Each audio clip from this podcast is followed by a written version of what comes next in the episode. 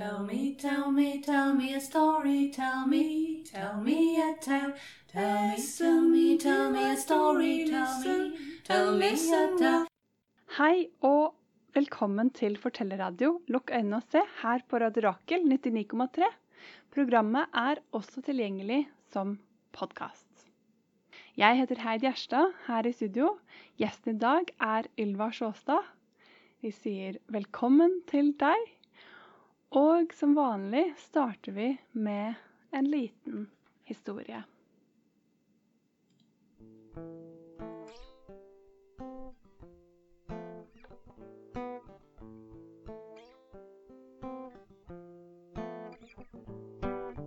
Det var en gang en fortelling som gjemte seg helt i bakhodet på en historieforteller.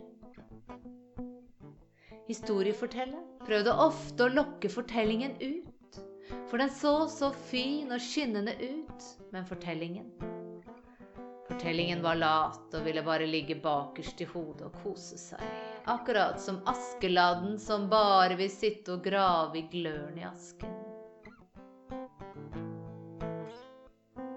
Så historiefortelleren glemte hele fortellingen.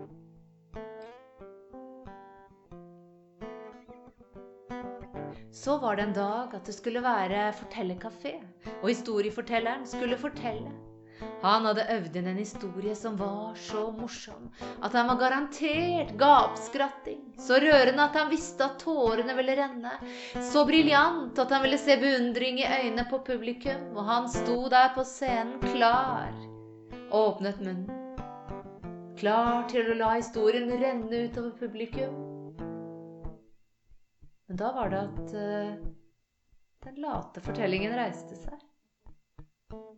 Børstet av seg støvet, kom gående bortover tunga, dyttet den innøvde historien til side og hoppet. Og han fløy ut i rommet, inn i alle ører, helt bak bardisken der barjenta sto. Og fortelleren Han kjente ikke igjen ordene som rant ut av munnen, men han kjente igjen historien, for den var skinnende.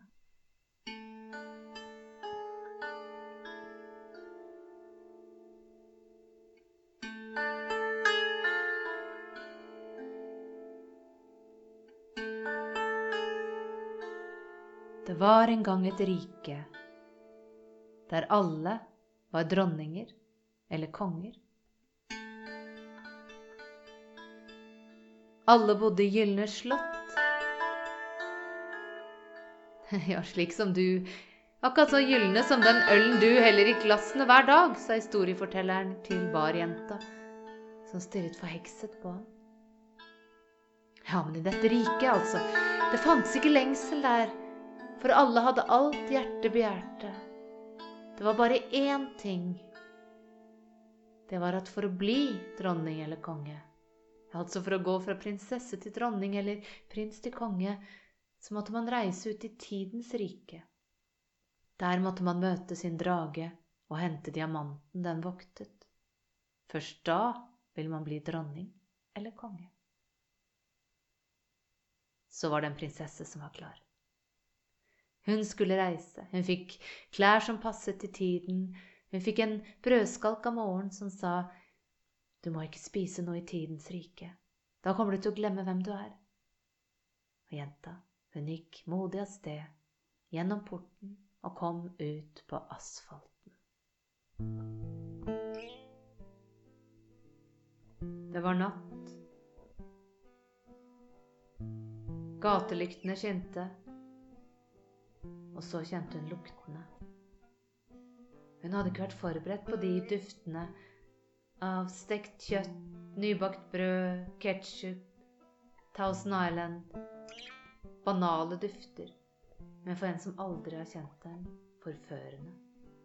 Duftene tok tak i henne, dro henne inn på en bar, ned på en stol, og da serveringsdamen sto der og spurte om hun var sulten og skulle ha noe mat, så bare nikket hun, og før hun visste ordet det var tallerkenen foran henne med en diger hamburger.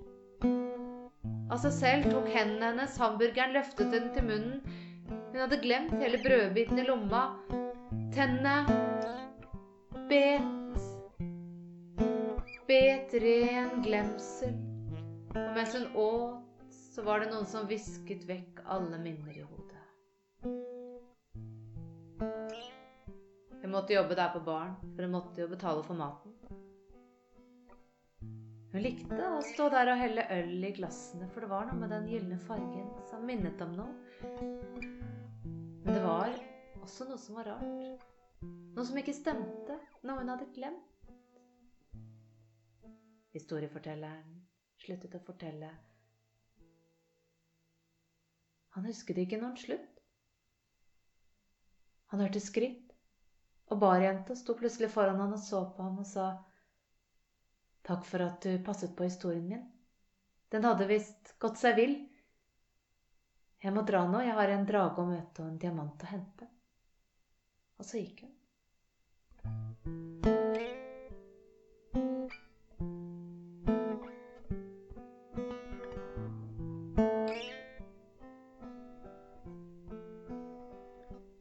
Og hvis du også opplever at virkeligheten er litt merkelig, at det er akkurat som det er noe du har glemt, så kanskje du også har en historie som har gått seg litt vill. Kanskje du også har en drage å møte og en diamant å hente.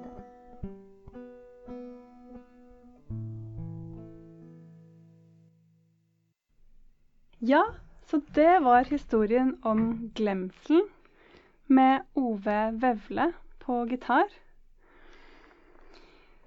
Du bruker mye fortelling sammen med musikk, Ja, det stemmer. Sånn Mhm. som i denne historien. Hvordan var det du først ble interessert i musikk som utøver? Ja, det er bare å tenke så langt tilbake. Det må jo ha vært i barndommen, da. Begynte å spille fiolin, og så kom den popalderen hvor jeg skulle bli popstjerne. Begynte å spille gitar. Eh, Så endte jeg på Tonheim folkehøgskole med klassisk sang. Og så jeg, tok jeg musikkvitenskap på universitetet og kom bort til tidlig musikk, Så det var en litt sånn brokete vei. Og så når jeg holdt på med middelaldermusikk Ja, og så tok jeg drama og teaterkommunikasjon oppi det hele. Og da vi begynte med middelalderkonserter, så sang vi på mange rare språk, og vi fortalte sang ofte sanger som hadde historier i seg. Akkurat som norske ballader, så fins det i andre balladetradisjoner. Eh, sånn som engelske ballader, f.eks., eller sefardiske sanger, som vi holdt på mye med. Så begynte vi å fortelle tekstene som historier og dikt. Og da hadde jeg også allerede hatt litt fortellerkunst på drama med Marit Gjerstad. Så det begynte litt sånn, og så fikk jeg også jobb på Vikinglandet på Tusenfryd og fortalte norrøn mytologi. Og så merket jeg jo den derre dynamitten da, i kombinasjonen mellom fortelling og musikk, at de beriket hverandre veldig. At det var mange som sa til oss etter en middelalderkonsert med rare, gamle språk som vi sang på, at det var veldig bra at de også fortalte. Og jeg merket også, i hvert fall for meg, da, så løftes fortellingen av musikk. Hvis ikke den blir forstyrrende og disharmonerer med fortellingen, selvfølgelig. Så Ja, eh, har du pleid å fortelle først eller etter for å forklare handlingen i balladen? Ja, det er jo interessant, for det har vært en lang vei. I begynnelsen så begynte vi kanskje litt mer sånn tradisjonelt med å snakke litt løst før sangen, ikke sant. Kanskje ikke så veldig bra innøvd, og så utviklet det seg mer og mer. Og så var det en i gruppa som faktisk tok fortellerstudiet midt oppi det hele. Og da ble vi jo alle mye mer Og hun holdt fortellerkurs for oss andre. Så da ble vi veldig mye mer bevisst på det å veve fortellingene og sangene sammen, mye mer organisk. Så kanskje vi f.eks. For forteller litt, og så synger vi litt, og så forteller vi litt med instrumenter under, og så ble det mer og mer sømløst, da. Hva heter den gruppen? Ja, Den gruppa jeg begynte med da, den het Tidorell, men den eksisterer ikke lenger. Men vi holdt på sånn på slutten av 90-tallet og litt utover 2000-tallet. Mm. 2000-tallet. mm. Så underveis i hele det her med musikk og fortelling, fikk du et stipend i 2008, ikke sant? Så hva var det du brukte den tiden til? Ja, det var å utforske nettopp det med fortelling og musikk sammen, da. Fordi jeg syns lett at jeg kunne bli litt firkanta i det at jeg sang en sang og fortalte litt. Jeg ville liksom jobbe enda mer med å lage det mer sømløst. Så da jobbet jeg med loopmaskin, akkurat som en del av det prosjektet, og lagde musikk og la inn looper og fortalte opp og, Og det ble såpass tidkrevende at det har jeg ikke gjort så mye senere. For det ble veldig sånn Litt som å lage et veldig innfløkt radioprogram. Eh, men jeg tror likevel jeg har brukt noe av det jeg lærte, eh, ved å gjøre det. Ja, for sånn loopmaskin, det er at man tar opp litt, og så spiller det av igjen, ikke sant? Ja, det spiller i loop, så du kan lage sånn kor hvor du tar oppå hverandre, og du kan legge ting, og så kan du snakke opp, og veldig mye muligheter, da. Mm. Du kan være én utøver og ha på en måte samarbeid og harmonier med deg selv. Ja, ikke sant. Faktisk så begynte det med at jeg hørte Abid Patrix uh, bruke det. Men han brukte det Han er jo forteller, men han brukte det mer til å lage til musikk, da. Han hadde plutselig en sang hvor han sang med seg selv, og så tenkte jeg det var jo kjempekult. Okay. Tenk på det potensialet med fortelling. Mm. Så det var sånn det begynte. Så fikk jeg stipend, og da hadde jeg lovet meg selv at fikk jeg det, så skulle jeg kjøpe lydutstyr. Mm. Men jeg har faktisk brukt det nå òg. På den historien vi hørte, så spiller Ove Vevle, som spiller gitar. Han lager ofte looper som vi lager oppå. Mm. Men den fortellingen jeg skal til slutt, den er ren, en veldig kort loop som bare går og går under fortellingen. Mm. Og hvordan gjør man det med framføring? Er det noe man kan gjøre da? Eh, Eller er det mer sånn for opptak? Man kan absolutt gjøre det som fremføring, og det er det jo mange artister som gjør. Som bruker det som et instrument ved å synge og spille med seg selv. Mm. Men det er litt Jeg merket at det var krevende når jeg gjorde alt. Jeg sang, og jeg spilte lutt, og jeg spilte lyre, jeg fortalte. Det, jeg hadde en lydtekniker, men det ble veldig mye å tenke på. Mm. Så vi har gjort det, jeg og Ove sammen med barneforestillinger. hvor Han har sittet med loopmaskinen, og jeg har vært hovedforteller. Og det har vært litt greiere for det. Mm. Men det går helt fint. Men det, er veldig, det blir veldig sånn teknikk og kunst, uh, rokering hele tiden. Ja. ja, for det er mange fortellere som har samarbeid med musikere. Selv om de kanskje, sånn som deg, driver med musikk selv. At det er noe med at det er hyggelig å jobbe med andre, kanskje. Ja, absolutt. Og så merker jeg Jeg hørte et gammelt opptak med meg selv i går, så tenkte jeg herregud. eh, Jeg ble liksom oppgitt over meg selv, for det var, alt var liksom så svevende og vakkert og lyre. Og så. Mens Ove kommer inn med en gitar som er litt mer rock'n'roll. Og det gir liksom noe helt nytt inn i fortellingene, som er veldig bra for meg, da. For å få mer dynamikk i uttrykket mitt. Ja, At uh, den reaksjonen mellom eh, u forskjellige utøvere kan gi det noe nytt. Ja, ikke sant. At han har en helt annen, helt annet uttrykk i gitarspillet sitt. Han har også tatt fortellerstudiet. Ja, så de to sammen, da blir det liksom to kontraster som jeg opplever som inspirerende. Så jeg merker at det gir meg noe som forteller. Med en gang jeg får den grooven fra hans gitar, så, så plutselig er fortellingen der.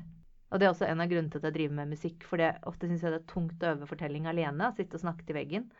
Men med en gang jeg får et musikkinstrument til, så liksom bare får jeg lyst til å fortelle. Da, da gjør, det er mye lettere med en gang. Så da hadde du den her starten med musikk, og så kom du til dette med fortelling gjennom dette med balla historiene i sangene. Så hva er det med fortelling som eh, gjorde at du ble fristet til å gjøre mer av det? Ja, egentlig begynte det nok enda tidligere. Det begynte egentlig på barneskolen, tror jeg. For jeg gikk på Steinerskolen, og der ble alt formidlet som muntlig fortelling. Så jeg har alltid elsket eventyr. Men jeg visste ikke at man kunne bli forteller, så jeg ville bli skuespiller på den tiden. Og så var det særlig én hendelse jeg husker i studietiden. Ja, det var vel i den middelaldermusikktiden, for da var jeg sammen med en venninne som jeg spilte med, og hun hadde et sånn fint middelalderinstrument liggende på hybelen. Sånn salter. Og så var det et eller annet som bare kom over meg, at jeg bare strøk over salter, og så begynte jeg å fortelle. En improvisert. Og så når jeg ikke fant mer, så ga jeg ballen til henne, og så fortalte hun, og så lagde vi et langt eventyr sammen. Og så følte jeg meg så utrolig mye bedre etterpå. Før var jeg helt sånn utkjørt og hadde ingen energi, og så etterpå følte jeg meg helt sånn opplivet. Så det er et eller annet med hva historiene gjør med meg. Særlig eventyr har en eller annen sånn Myter også, for så vidt. Har en eller annen sånn vet ikke helt hva jeg skal kalle det, men en eller annen opplivende effekt, da. Det bringer meg inn i en annen tilstand. At man får mer enn det man gir. Ja, det kan du godt si også. Det er noe med, også med publikum, når du sitter der de gangene det funker, da. Du sitter med et publikum, så er det akkurat som man liksom switcher om til et annet modus. Plutselig er stemningen i rommet helt an, en helt annen. Det er en stillhet, og alle går inn i en eller annen tilstand. Det er litt vanskelig å forklare, men en sånn eventyraktig tilstand. Mm. Så det, det er nok mye derfor. Rett og slett den magien. Hva er et salter? Et salter, ja, det er ja, Det er ikke helt som det, men det ligner, jeg har et instrument her som er lyre. Som ligner litt på et salter, men det er ikke helt det samme. Det er laget i tre, og så har den strenger. Ja, så det som er likt med et salter Nå ser jo ikke folk dette her, da, hvis vi ikke kan ta bilde og legge det på nettet. Men Ja, men vi kan beskrive vi kan beskrive. Det er altså en kasse med strenger over Ja, nå vet jeg. Du kan se oppi et piano. Piano begynte som et salter. Bare med selve kassen, bare mye mindre. Eh, og da er det liksom en kasse med masse strenger over. Og det høres ganske likt ut som den lyra jeg har her. Ja, det er som nesten som en gitar uten hull i. Hvis gitaren var eh, mer firkantet. Eh, Litt så- og litt bredere. en Ja. harpe også, kan man si, for det er litt sånn Ja. Ja. ja, for den, ha, den har jo faktisk et hull lenger opp der hvor eh, Denne har det, men salter har ikke det. fester seg. Salter har ikke det. Den ligner mer på den idet du var inni pianoet, bare krympet veldig. Ja. Det er ikke alle som har piano nå. Nei, det er det Men, ikke. eh, Nei, det er sant. Elpiano, så ser det jo ikke sånn ut inni. Men, eh, men ja, Mm. jeg tror kombinasjonen av alle disse forklaringsmåtene, og med et bilde også, vil gjøre at folk, eh, folk skjønner. Så det er noe Lyren holder du opp. ja, ikke sant. Saltere, ligger, sitter man i fanget med. Jeg spiller jo ikke salter selv, da. For det er mye lettere for meg. Lyre er et enklere instrument, og så er det lettere å holde. Ja, for det fins eh, noen sånne kinesiske instrument som ligger flatt sånn og har sånne Ja, det er salt, sånne sånn er salter. Ja, OK. Ja, Ja, Det ligner litt på det, eller ja, nå er jeg ikke sikker på om det ligner nøyaktig på det, men det, det er sånn samme at du sitter og Ja. holder det. Foran deg. Ja. Mm. Ja. det var jeg bare for å oppklare det for de som er like uvitende som meg. Så du hadde den opplevelsen med at det å fortelle den eh, kreative prosessen og uttrykket var så givende. Og så derfra, hva skjedde? Ja, det tok jo en del år før jeg liksom landet i meg at jeg skulle bli forteller. For jeg visste jo om dette lenge og hadde hatt det på dramastudiet og sånn. Og jeg jobbet jo også som forteller lenge før jeg egentlig bestemte meg for å være forteller. Men så hadde det modnet på et eller annet punkt, og så plutselig var det Så jobbet jeg i radio, faktisk, på, i NRK og lagde musikkprogrammer. Og prøvde, merket at jeg prøvde å lage alle programmene til fortellerforestillinger. At jeg var egentlig mer interessert i det enn å fortelle om den musikken. Og da begynte jeg fortellerstudiet. Og da Mm. var jeg sånn Jeg skal bli forteller. Uten tvil, liksom. Ja. Og du er medlem av Fabelakt. Hva er Fabelakt? Ja, Fabelakt det er en, en sammenslutning av fortellere, selvstendige fortellere, som alle jobber med fortelling på forskjellig vis. Eh, Og vi har jobbet sammen lenge. Det begynte med De eventyrlige fabelfanter, som Heidi Dahlsven startet. Jeg tror det var i 2003, men det kan være jeg ikke er helt stødig der. Så, men jeg ble i hvert fall med i 2004. Og så sluttet, eller Heidi trakk seg ut, og da ble vi Fabelakt. Så det har vært utrolig verdifullt fellesskap å være, komme inn i som fersk forteller. Så jeg er veldig takknemlig for at jeg fikk være med der. Og i begynnelsen så var vi jo veldig aktive. Vi hadde øvekvelder, forestillinger sammen. eh, Vi hadde barneforestillinger på bibliotek, på Grünerløkka bibliotek. Vi gjorde masse. Eh, Men så ble folk mer og mer profesjonelle og travle, så da jobbet vi mer og mer eh, i Den kulturelle skolesekken, og vi jobber i par, i trioer, på kryss og tvers, og også en del alene. Så nå er det mer et slags løst fellesskap. Man ser jo det at fortelling kan være litt ensomt hvis man bare har forestillinger alene.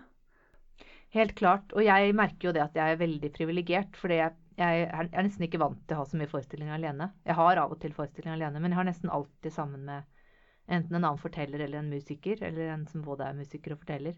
Eh, og jeg vet at mange fortellere er jo mye mer vant til å jobbe alene. Så det har nok litt med at jeg kommer fra musikkverden også, hvor man ofte har minst én eller to eller tre eller flere kolleger, da. Det er jo en fordel med å være med i et sånt fellesskap, da.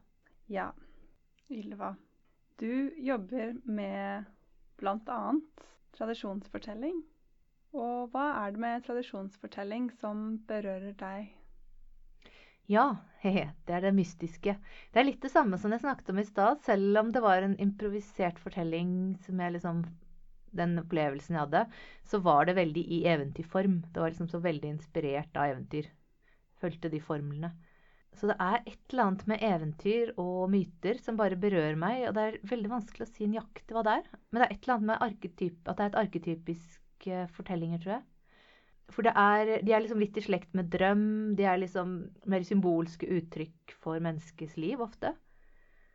Så um, de påvirker på en eller annen underfundig, underliggende måte som jeg ikke helt kan forklare. Har du noen eksempler på de som har berørt deg spesielt? Ja, Jeg er jo veldig glad i 'Tusen og en natt'. Jeg husker også fra jeg var barn at jeg hadde en sånn 'Tusen og en natt for barn', en bok. Og flere av de eventyrbøkene jeg har fra barn, er veldig sånn kjære for meg. Og noen av historiene også. veldig sånn, Jeg husker godt fra barn, og det er et eller annet ved dem som jeg bare er veldig glad i. Og så har jeg fortalt veldig mye den historien om Sheherazad, som jeg skal fortelle snart eh, etterpå. Mm. Og hva er det med Det er et eller annet med den mystikken i 'Tusen og natt', hvor alt er så vakkert og overlesset vakkert på en eller annen mystisk måte, og med månesymbolikk og Det er et eller annet med de, og djinner og ånder og Ja, så vanskelig å fortelle, si nøyaktig hva det er. Nei, det er jo det vi skal høre fra deg nå, så da kan kanskje lytteren kjenne etter eh, om det er noe der som resonnerer eh, i lytteropplevelsen. Er tiden inne for Ja. Det var en gang en konge som ikke var spesielt klok. Men heldigvis så hadde han en visir som var langt klokere. Og visiren, han hadde en datter som var klokere enn dem begge til sammen. Og hun het Sheherazad.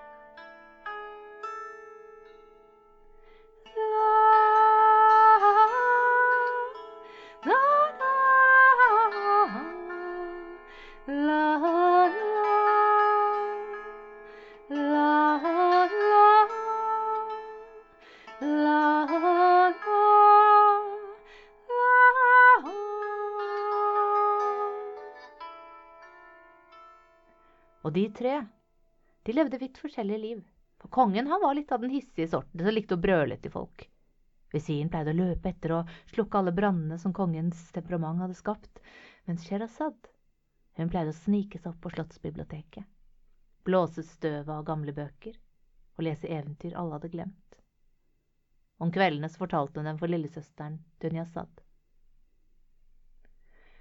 Og slik kunne de alle ha levd den dag i dag om det ikke hadde vært at kongens bror kom på besøk.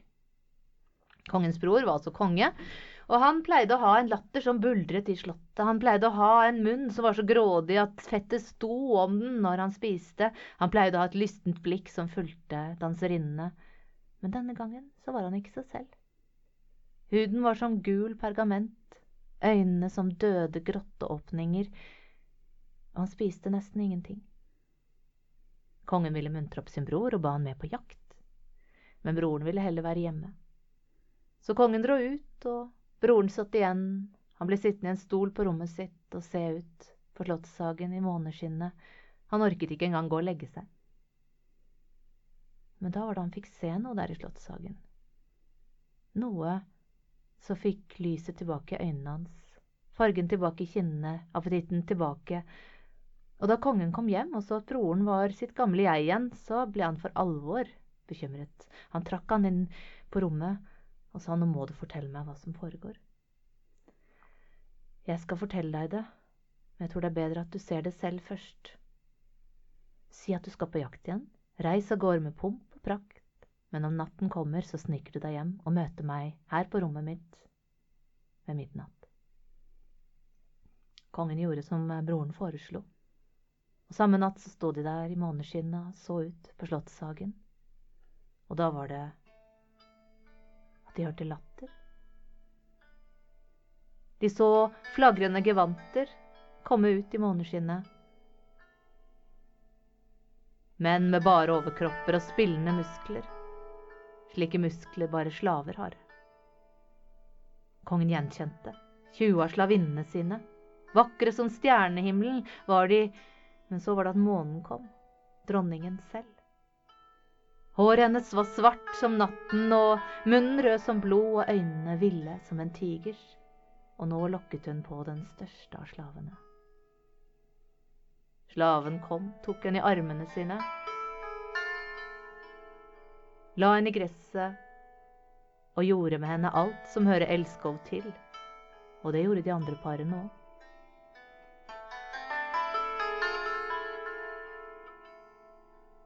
Kongene sto der som statuer, helt til de forsvant og sola sto opp. Og da sa broren, du skal vite at du er ikke alene med din skam. Like før jeg dro hit, så fant jeg min egen kone i seng med en slave. Og kongen sa ja visst er vi krenkede. Min bror, jeg foreslår at vi drar ut i verden, og så ser vi om vi kan finne noen som er like krenket som oss. Finner vi det, ja, da er vi berget. Da kan vi fortsette å regjere rikene våre, men finner vi det ikke, da, da må det være oss det er noe galt med.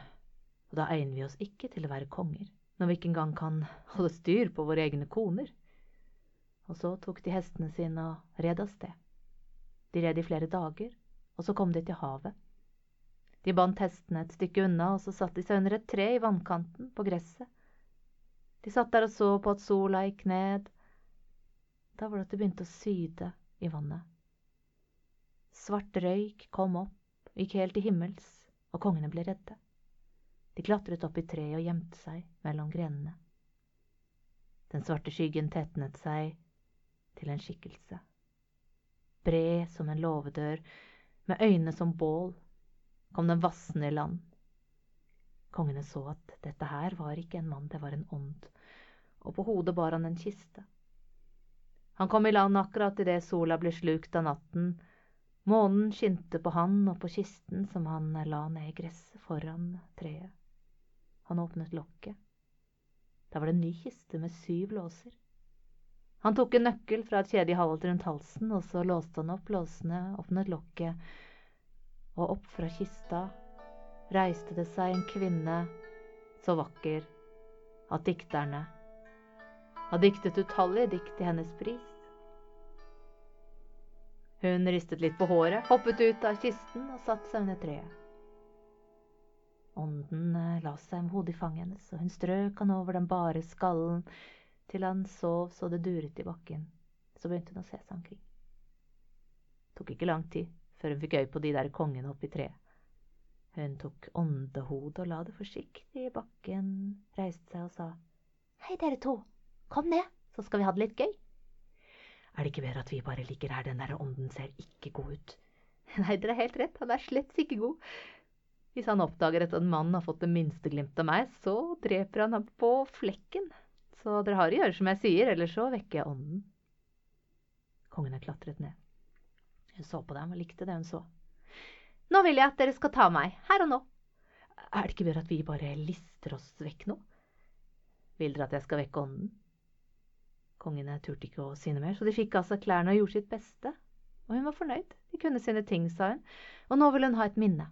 Hun ville ha seilringene deres. Hun fikk dem, og så tok hun frem et kjede hun hadde rundt halsen. Da var det 570 ringer fra før, fra menn hun hadde bedratt ånden med. Hun fortalte at ånden hadde røvet henne på bryllupsnatten hennes. Gjemt henne i disse kistene. Dag ut og dag hun måtte hun ligge der og høre bølgeskvulp. Han tok henne bare opp om natten, for da trodde han at ingen mann ville få se henne. Men hun, hun bedro han så ofte hun fikk sjansen.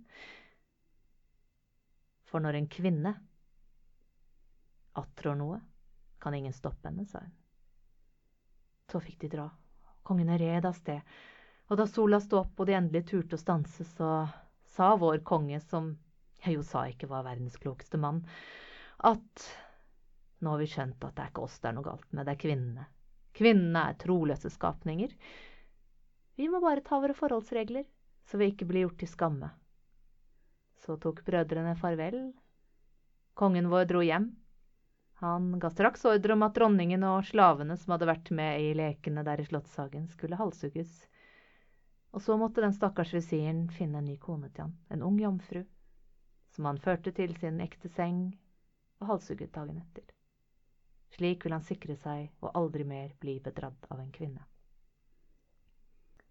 Han fortsatte med det. Hver dag ny kone, hver morgen ny halshugging, og folk begynte å forbanne kongen sin. De begynte å rømme med døtrene sine. Og da tre år var gått, så var det ikke en eneste jomfru igjen i riket.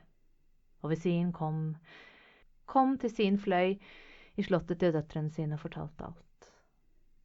Da sa Sherazad, men far, jeg er voksen nå, jeg er jomfru, jeg kan gifte meg med kongen. Nei, mitt barn, jeg vil mye heller at mitt hode ruller enn ditt.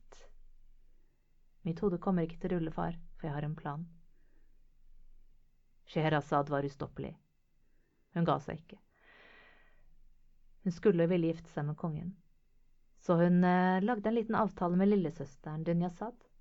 Og så ble hun pyntet etter alle kunstens regler, med silkekjole med gullbroderier og perler, hun ble dusjet i rosevann, håret hennes ble festet med blomster og smykker, og da hun gikk frem for kongen, så ble han stum av beundring. Ekteskapskontrakten ble satt opp, han førte henne til sin seng, fullbyrdet ekteskapet, snakket vennlig til henne, men så begynte Sherazade å gråte. Hvorfor gråter du? spurte han. Jeg er så lei for at jeg ikke har fått sagt farvel til min kjære lille søster, Dunyazad. Ja, men det skal vi ordne, sa kongen. Og Dunyazad ble hentet. Kom springende inn og kastet seg om halsen på storesøsteren og satte seg der i den store kongelige himmelsengen i måneskinnet og sa, Sherazad, kan ikke du fortelle kongen en historie? Du kan jo så mange eventyr. Ja, jeg tror vel ikke kongen er så interessert i mine eventyr, han har vel viktigere ting å tenke på, sa Sherazad. Vel, sa kongen, jeg sover sjelden særlig bra, så, så fortell du. Og Sherazad fortalte. Og nå kan du tenke på den mest spennende historien du har hørt. Kanskje det er en roman, kanskje det er en TV-serie, kanskje det er noe du har hørt fortalt. Og tenk på akkurat det stedet du er aller mest spent på hva som kommer til å skje. Akkurat der stanset Sherazad idet sola sto opp. Kongen, han eh, reiste seg, og hun sa, Deres Majestet, ja, det er virkelig ergerlig, men Deres Majestet får dessverre aldri hørt slutten på den historien, for jeg skal jo halshugges. Kongen gikk ut, men ingen kom for å hente Sherazad den dagen, for kongen måtte høre slutten. Hun fortalte slutten, men begynte på en ny historie, og denne gangen sluttet hun på et enda mer spennende sted, og kongen måtte la henne leve en dag til. Og slik fortsatte hun å fortelle og fortelle i tusen og en netter og til slutt en morgen så sa hun, Nå har jeg fortalt deg alt jeg kan. Nå kan du halshugge meg hvis du absolutt vil. Men kongen, han bare reiste seg og gikk ut med et smil og ingen. Ingen kom inn for å hente Sherazad den dagen. For hennes historier, de hadde knadd sjelen hans, omrokert sinnet hans, låst opp hjertet hans, og han forsto at kvinner, ikke alle kvinner var troløse vesener så Sherazad og kongen, de levde lykkelig sammen til den kommer som slukker alle gleder og bryter alle bånd.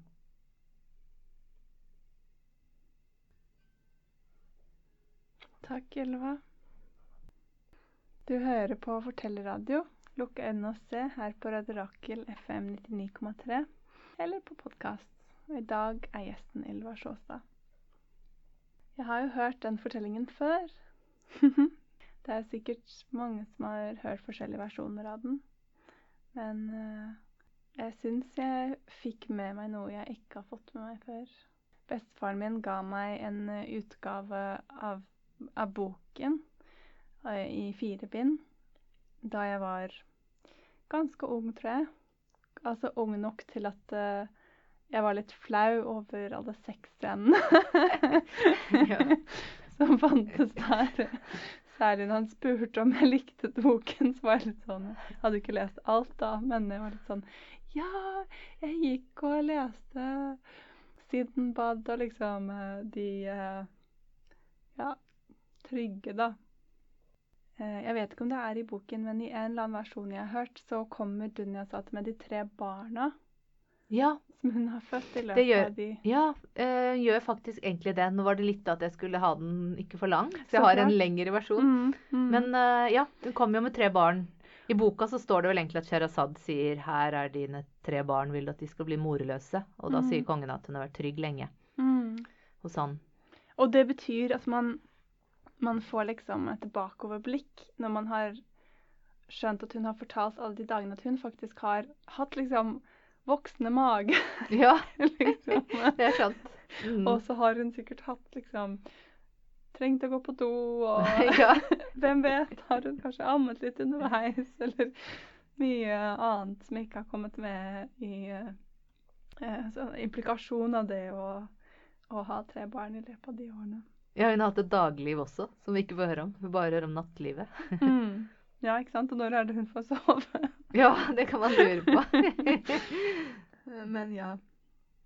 Ja, så det her var jo Vi snakket jo om tradisjonsfortelling, og det her er liksom et uh, prakteksempel på det. Men uh, du jobber jo også med noe som heter intuitiv fortelling. Ja. Mm. Og hva er det? Ja, det er jo bare et ord, egentlig. Men jeg, det er litt fordi at uh, Altså, jeg har alltid, alltid likt å jobbe med improvisasjon av fortellinger. Uh, og så kom jeg over en engelsk forteller som het Leo Sofer, uh, som uh, improviserte. Og det var liksom, han gjorde akkurat det jeg drømte om å gjøre. Lage lange forestillinger improvisert foran publikum. Så jeg dro på kurs, og han kalte det han gjorde, intuitiv fortelling.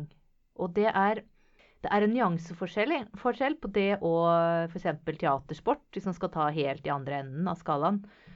Ved at teatersport ofte er liksom fort og morsomt og kjapt. Det i hvert fall det man tenker på. Jeg vet jo at teaterimpro kan være mye mer. Men i andre enden av skalaen så er intuitiv fortelling, som er mye mer rolig og meditativt. Det kan være det, i hvert fall. Det kan også bli veldig livlig. Men det er litt som våken drøm. Når jeg tenker på det, så det, har det ganske mye felles med å drømme. Mm. Når først bildene begynner å rulle, så er på en måte oppgaven som forteller å følge bildene, men å formidle den i en form. Så det blir et slags sånn jobb, samarbeid mellom venstre og høyre hjerneavdel. Liksom holde orden på alt det som kommer, og så ta imot det som kommer. Og være tro mot det, selv om man syns det som kommer er litt rart og har lyst til å sensurere det. For ofte så har det en mening når man ser tilbake på det. Litt som en drøm som man liksom virker helt sysprø, og så plutselig Å ja, kanskje det var det det betydde. Så Så, så stol, ja. stole på den interne logikken. Ja. Det er en slags tillit og det er ganske skummelt foran publikum. Så jeg må innrømme at jeg gjør det mest som hobby. Eh, jeg har gjort det foran publikum også, men da gjerne i tospann med en annen forteller eller en musiker. Eh, for det er ganske shaky å ikke vite om historien kommer i havn foran publikum. Så man trenger å lage et ganske trygt rom for å kunne drive med det, rett og slett. Og jeg opplever at det For meg så er det ganske mye det arketypiske landskapet de historiene som kommer. Mm. De er liksom en slags blanding av drøm og eventyr. Selv om de også kan være moderne. Men de har gjerne et drag av noe eventyrlig mytologisk. I hvert fall for meg. Men det har kanskje litt med at jeg er så innstilt på den kanalen, da. Så det er den, den skapende opplevelsen av å, å, holde på med det. Men det går også an å skape og så fortelle det du har skapt. Ja, ja. Refortelle, ja. Mm. Det er også litt interessant, da, for da jeg begynte med det, så var liksom Refortelle, nei, nei, det gjorde ikke Alt skulle være friskt. Og jeg husker jeg jobbet sammen med en annen forteller, Torgrim Mellum Stene. Vi hadde en sånn duo og holdt på med det her. Og vi var veldig sånn Nei, nei, det skal bare være den som er i øyeblikket, og så kommer det en ny. Vi var veldig sånn nesten sånn hva heter det, puritanske på det, da, eller puristiske på det. Uh, og det har jeg angret litt på, for det var så mange fine historier som jeg ikke har tatt opp, da.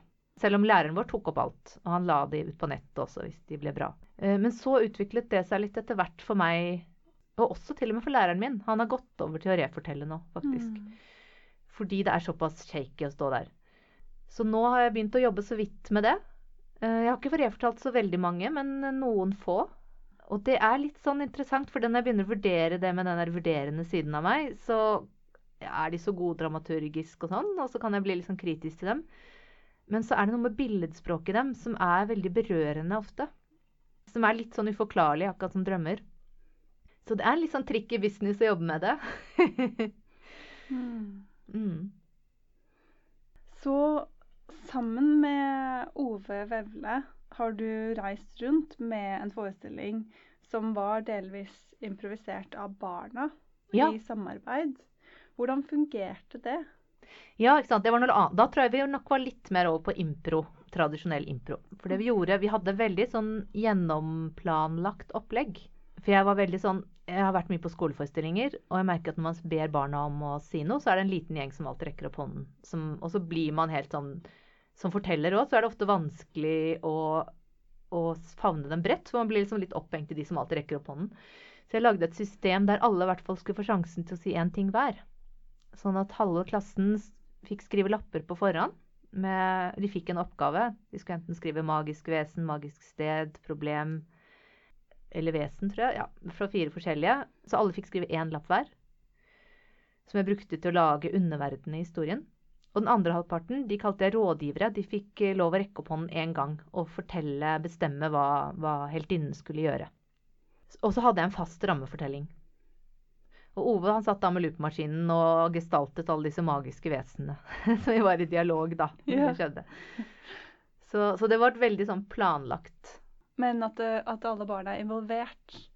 At de føler seg som medskapere. Ja, det var det som var liksom målet med den forestillingen.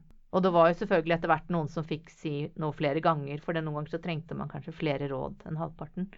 Men da hadde i hvert fall alle fått én mulighet, da.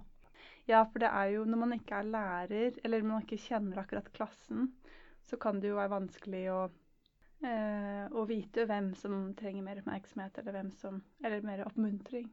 Ja, det er nesten umulig, og det er en sjanse å ta, vet du, hvis du begynner å spørre en som er veldig, veldig sjenert, og så har du dummet deg ut. ja, så det, Ja, så det kanskje det er vanskelig for dem å snakke, og så Ja. Så her eh, hos Radio Rakel er vi jo veldig opptatt av kjønn. Så hvordan er det kjønn spiller inn i din fortellerpraksis? Ja. Jeg er jo kvinne selv, så jeg har en hang til å fortelle om kvinner. Det må jeg si. Eh, Jeg forteller selvfølgelig også om mannlige hovedpersoner hvis jeg liker historien. Men eh, for meg er det mest naturlig å ha kvinnelig hovedperson.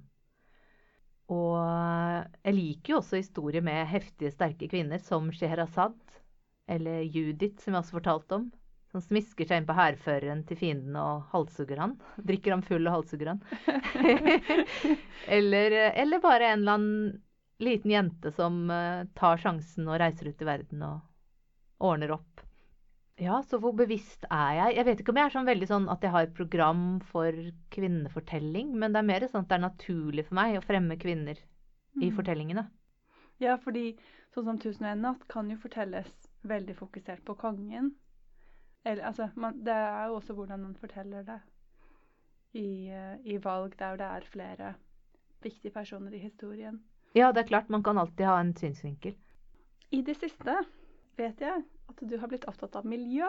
Ja. Eh, Hvordan skjedde det? Jeg har egentlig alltid vært opptatt av miljø. Egentlig fra jeg var sånn slutten av ungdomsskolen, tror jeg. Så hørte jeg om drivhuseffekten og sonelaget og ble voldsomt engasjert. Og jeg drømte egentlig om å være som Greta Thunberg, men jeg, det ble aldri sånn. jeg hadde lyst til å stå og skjelle ut de høye herrer og liksom snakke dem til rette, akkurat som hun gjør. Så jeg meldte meg inn i Natur og Ungdom og var aktiv, men jeg følte vel egentlig ikke at det jeg gjorde hadde så veldig effekt. Så jeg ble desillusjonert. Eh, Jeg prøvde selvfølgelig å leve så miljøvennlig jeg kunne, men jeg begynte å fokusere på andre ting. F.eks. kunst og fortelling og sånt. Men så de siste årene så har det jo blitt mer og mer tilspisset, og det har blitt også mer grønne bølger, og det har gitt meg ny inspirasjon, da. Og særlig den siste halvåret har det jo vært veldig I hvert fall som jeg har opplevd. Kanskje noe med at jeg har en viss krets venner på sosiale medier, så det virker som det er et veldig miljøengasjement. Men eh, det har vært eh, Kanskje etter den varme sommeren og med Greta Thunberg og alt, så har det blitt mye mer engasjement også. Og jeg også begynner å ta mer og mer inn over meg alvoret. Og tenker også at fortelling har jo et veldig sterkt potensial.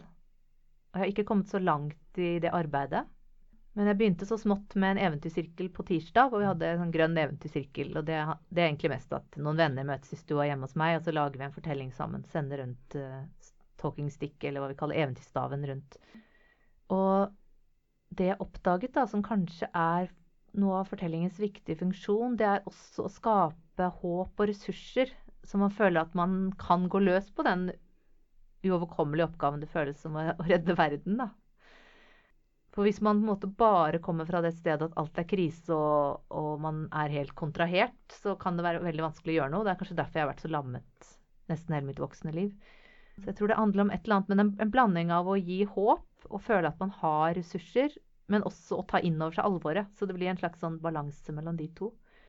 Ja, det er nesten litt sånn det, For neste spørsmålet mitt var uh, om det var dystopien eller utopiene som vi trenger. Men det høres ut som at, uh, at vi trenger begge. Ja, jeg har jo ikke svaret på dette, for jeg har ikke jobbet så lenge med akkurat den vinklingen ennå. Men jeg, jeg ville tro at vi kanskje trenger begge, ja. Jeg tenkte på noe Greta Thunberg sa, at uh, vi har hørt nok inspirerende taler. Det er ikke det vi trenger nå. Nå trenger vi å, å gå i panikk, liksom, sier hun. Uh, og det er jo noe i det. Men uh, panikk uten Hun har jo naturlig kraft, som jeg ser henne. Jeg ser henne som veldig kraftfull. Eh, man må jo også ha kraft. Så det er jo Ja, panikken trenger å være litt målrettet. Ja, den trenger ikke være helt sånn der totalt totalt og utstressa. Den må liksom være med Nei, nå setter vi i gang, liksom. Mm. At uh, nå skal jeg bestemme for hva slags bil jeg vil kjøpe, eller om jeg skal kjøpe bil. Og, og da kan den panikken legge føringer, heller enn at man liksom bare sitter i et rom og, og ikke får gjort noen ting, for man er uh, helt så stressa. Ja, man kan jo bli helt lammet. Ja, så jeg tenker altså, så er det, sånn, det er litt sånn veldig interessant spørsmål, da. For det er jo veldig mange filmer som er dystopier, og jeg har sett dem ofte, og jeg, synes, jeg liker dem faktisk å se dem av en eller annen grunn. Men uh, det har jo ikke fått oss til å handle.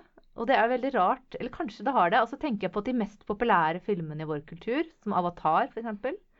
Som handler liksom om uh, urfolks rettigheter og jungelen, eller urskogen. Og så har vi Hunger Games, som handler om fattigdom og undertrykkelse. Og så har vi Harry Potter, som kanskje handler om rasisme. Det er våre mest populære fortellinger i vår tid, nærmest. Og likevel så redder vi ikke verden. Men hva, hvem hadde vært uten dem? Det vet vi jo ikke. Så kanskje vi hadde vært mindre bevisste. Så det er liksom Hva skal til, da? Ja, det er eh, eh, Akkurat i forhold til dette med kjønn, så snakket jeg med noen eh, i går om at man må Hvor hun snakket om dette med å opprettholde. At det går ikke an å, å bare å stoppe med f.eks. likestillingsarbeid fordi at man tror ting går bra. Man, det er mye arbeid som går inn i det å opprettholde. Så jeg lurer på om det er noe der med miljø at som du sier, eh, at det er ganske mye krefter som er på gang. For det fins mange måter å være miljøvennlig på, og en del av de er så strukturelle. Altså som folk har jobbet gjennom, eller som har med lover å gjøre, eller Selvfølgelig ser man tomrommet mellom det og det som kunne Det som fortsatt er mulig, da, å gjøre videre. Så når du snakker om historier som kan gi oss håp, tenker du på at de kan gi muligheter for konstruktiv mestringsfølelse, eller Ja, jeg tenker jo liksom alt, alt er bra. Altså For å redde, redde verden må vi jobbe på utrolig mange fronter. Men det jeg selv tror kanskje jeg har mest å bidra med, er kanskje i forhold til å lage settinger hvor folk forteller historier selv, kanskje. Eh, sånn som når vi har eventyrsirkel, eller også intuitiv fortelling med miljøtema. Sånn at man kommer på en måte i kontakt med sine egne kreative krefter. Mm. For der, der, det er der kraften ligger, tror jeg. Mm. Så man virkelig kommer i kontakt med Oi, jeg har masse i meg, og masse ideer. Og da kan det begynne å flomme. Og det var en av de som sa på Eventyrsirkelen nå på tirsdag at det at hun kom i kontakt med ressurser, da, for vi har jobbet også med det, indre gode bilder og gode steder, gjorde at hun fikk lyst til å gjøre noe for miljøet. Så for meg så tror jeg kanskje det er der jeg har mest å bidra med. Men jeg tror alt er like viktig. Kanskje andre fortellere vil jobbe mer med spesifikke områder. Ja, jeg, jeg tror vi trenger alt. For nå er det såpass kritisk at vi må gjøre handle på alle fronter. Så hva mener du med ressurser? Jeg kan jo være helt konkret. Da hadde jeg en slags indre reise, som jeg ofte har. En guidet indre reise med musikk, hvor man liksom ser for seg at man går inn i sitt eget eventyrlandskap. Og så kommer man først til et vakkert sted hvor det er godt å være. Kanskje får man en magisk gjenstand som symboliserer et eller annet som kan støtte en. Og så guidet jeg dem inn i et sånn dystopisk landskap, og liksom verden holdt på å gå under. Og så liksom, hvordan er det å møte det stedet med ressurser? Og for noen så gjorde det at det da var lettere å forholde seg til det dystopiske. For ellers så kan man veldig fort bli overveldet. Ja. Eh, Men dette er noe jeg trenger å forske mye mer på, dette, så jeg, jeg har ingen fasiter. Men eh, Men det er kjempefint å ha noen sånne startsmekanismer. Når den dystopiske framtiden virker helt håpløs, at det å fokusere på de gode hjelpe Enten det er hjelpe mennesker eller hjelpe ting eller hjelpe symboler. Ja, for det er jo faktisk sånn i en form for traumeterapi så jobber man med å pendle mellom ressurser og traume. Man går ikke rett på traume, for da kan man bli retraumatisert. Og det er jo faktisk et traume, kan man nesten si. Man kan jo si det når man Mm. hører om nyheten. Altså at verden vår holder faktisk på å kollapse, muligens. Mm. Og um, det er jo veldig, veldig vanskelig å ta inn over seg. Og for å kunne i det hele tatt begynne å ta det inn over seg, så må man kanskje også kjenne på, på at man har styrke og ressurser i seg. Mm. Så jeg tror det er et eller annet der. Mm. Ja, og kanskje i samarbeid med andre også. Ja, Så lenge andre også har konstruktiv uh, Som ikke er uh, Så lenge de ikke sitter i den dystopien og ikke kommer seg ut, da. For da kan man bli dratt inn også. Ja, så jeg ville jo spørre deg om eh, den her eh, eventyrsirkelen. Så nå har du nevnt den, men, eh, men dere møtes regelmessig. Men kan du si litt mer om hva det er? Hva som er ja. mm. Det utviklet seg også ut fra det med intuitiv fortelling. For det begynte egentlig med at jeg bare ville ha en kveld hvor vi skulle jobbe med intuitive fortellinger individuelt. For det var jo det jeg holdt på med med han Mm. læreren min. Mm. Men så var det en i gruppa som sa men kan vi ikke lage en historie sammen, da? Og så OK, det kan vi jo teste. Og så prøvde vi det med de samme prinsippene. At man tar imot de bildene som kommer, samtidig som man følger opp tråden fra den forrige. Og så ble det en egen greie som vi har holdt på med siden 2011. Hvor vi er i gruppe og lager historie sammen. Men Det er mange år. det er mange år, ja. Men på en måte hvor vi prøver å At ikke bare bli en sånn selskapsleke i å finne på de mest syke tingene, som det lett kan bli når man forteller i sirkel. Mm. For jeg har egentlig alltid syntes sirkelfortelling har vært litt kjedelig, fordi folk bare blir sånn Å, så kom det et grønt monster, og, og bare liksom Men så oppdaget vi da at når vi liksom sitter ned og tar det litt alvorlig, og virkelig går inn i den litt sånn drømmeaktige tilstanden og ser bildene komme og snakker ut fra de, da får det en helt annen tyngde, da. Og da kan det komme mange spennende historier, og folk føler seg Etter en vellykket eventyrsirkel, det er ikke alltid det funker, det fungerer jo av varierende grad, så Mm. føler folk seg ofte veldig oppløftet etterpå. Og hva gjør dere? Skriver dere de ned, eller er det de bare Hvis man husker de, så Ja, som regel forsvinner de med vinden, og noen av bildene er så sterke at de sitter i. Akkurat Mm. som kanskje minner fra en gammel drøm som har gjort inntrykk. Eh, Jeg har tatt opp, opp noen ganger, men det er ganske mye stoff å høre gjennom. Så det har Mm. ikke blitt at jeg har hørt gjennom det så mye. Men det hender jeg tar med meg en idé eller et bilde og bruker det inn i en fortelling. Nå har vi jo så mange måter at vi kan liksom ta opp og hele livene våre. Og det er jo kanskje greit at ting er litt uh, i øyeblikket også. Ja, så tenker jeg litt at det blir jo en slags uh, kompost for videre kreativt arbeid. Kanskje man får noen ideer man kan bygge videre på, eller Ja, akkurat sånn som de sier med å skrive, eller noen syns at man, da må man skrive hver dag, ikke sant. Eksempel dikt. At man skal bare holde på og holde på, og ikke bry seg om det ikke er bra. Men bare fortsette å innøve den muskelen. Det er absolutt noe av det samme. Særlig med intuitiv fortelling så er det noe med det å øve seg opp til det å ta imot det som kommer, og der må jeg fortsatt øve. Jeg merker stadig så sitter jeg der og Hvordan skal jeg ro denne historien i havn? Sitter jeg og tenker altså, å nei, nå må jeg bare slappe av og la det ordne seg av seg selv. For det ordner seg som regel bedre av seg selv enn når jeg prøver å være smart og finne en kul slutt. Stole på det. Er det noe du vil si om den historien vi skal høre til slutt? Ja, det er en intuitiv historie. Og det var den andre intuitive historien jeg noen gang for- har fortalt. Eh, Det var på det første kurset jeg var på. Og den ble fortalt på knotete engelsk. Og den var litt merkelig. Og den hadde veldig sterke bilder. Og den var faktisk inspirert av eh, to tegneserier om en liten jente og en stor ulv. Men den begynte å bevege seg i sin egen retning når jeg fortalte. Og det var ikke sånn bevisst inspirert, det var bare det bildet som var der. Og den er ganske sånn mye sånn transformasjoner, og noen mente den var litt alkymistisk.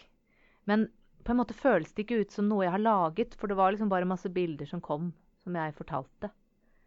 Så den har sittet i meg siden. Og først i det siste jeg begynte å ta den opp igjen og prøvde å gjenfortelle den. Det var en gang en jente.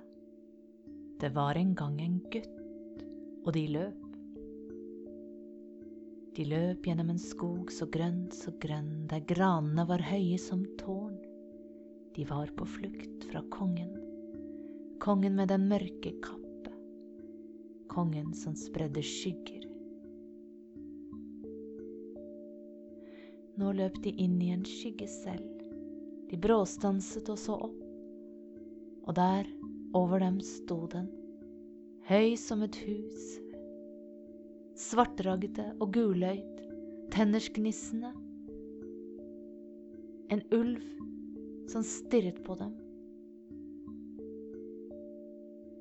Gutten rygget skjelvende bakover. Jenta gikk modig frem.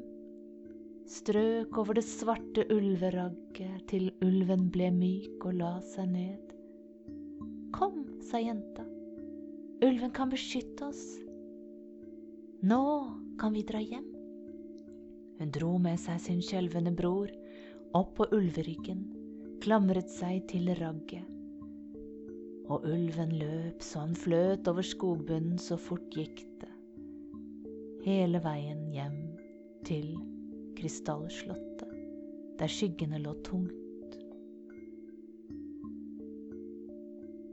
De møkkete ulvepotene slo mot krystalltrappa. De red inn i tronsalen, stanset foran kongen med den mørke kappe. Kongen brølte til dem. Ulven åpnet gap og brølte tilbake. Kongen brølte igjen så skyggene sto ut av munnen på han. Ulven brølte enda kraftigere tilbake, og de brølte så det runget i krystallslottet, så det ringlet i lysekronene. Men ulven fikk nok, han åpnet kjeften på vidt gap og slukte hele kongen. Svelget ham hel og nå begynte det å rumle stygt i magen hans. Jenta og gutten hoppet ned fra ulveryggen. Alle i hoffet rynket neser da kongen kom ut igjen på andre siden, som en brun, glinsende, stinkende klump og falt med et klask på krystallgulvet. Jenta gikk frem og så. Midt i ulvebæsjen så lå det et kongelig septer. Hun lirket ut, børstet vekk skitt. Gikk til dronningen som satt på sin trone, stiv og kald og blek som en isskulptur, rakte henne septeret. Men i dronningens bleke hånd ble septeret levende til en svart slange, og slangen bet hennes hvite hals så rødt blod piplet frem, og dronningen selv falt på krystallgulvet, som om hun var død. Jenta og gutten kom frem og så det vakre, røde blodet mot den hvite halsen, og jenta smørte blod på leppene, for de var bleke som blemmer, gutten gjorde kinnene hennes rosa. Ulven kom tassende bort, jafset i seg den svarte slangen, og på ny rumlet det stygt i ulvemagen, og på ny kom det klaskende ut igjen. Jenta løp bort, og i ulvebæsjen var det en liten flakong med eliksir. Hun tok den ut. Se, hva jeg fant! Børstet vekk skitt og støv, gikk til den døde dronningen, helte eliksiren ned i hennes munn. Da begynte hun å hoste, kviknet til. Og mens hun reiste seg, fikk hår i sin brune farge tilbake. Kjolen ble grønn som skogen. Kinnene var røde, og leppene var fortsatt like så blodrøde som de hadde malt dem. Hun slo øynene opp og så på barna sine, og sa, Jeg er deres mor og deres far. Så tok hun barna i hendene, og de la en myk, silkemyk lenke rundt ulvens hals og tok den med ut på slottstrappa. Sola var på vei ned og alle vesener rike, alver og dyr fra skogen, som lenge hadde gjemt seg under kongens skygger, de kom frem. Og dronningen sa, Jeg er deres dronning, jeg er deres konge. La oss feire i natt. Og slik ble det. Alle skogens og slottets vesener feiret, slik man aldri før har feiret. Takk. Ja, takk for i dag. Du har hørt på Fortellerradio Lukk øynene og se her på Radio Rakel FM 99,3 eller som podkast. Dagens gjest har vært Ylva Sjåstad, og jeg heter Heid Gjerstad. Listen to my story, listen and listen well. Listen to my story, listen and I will tell.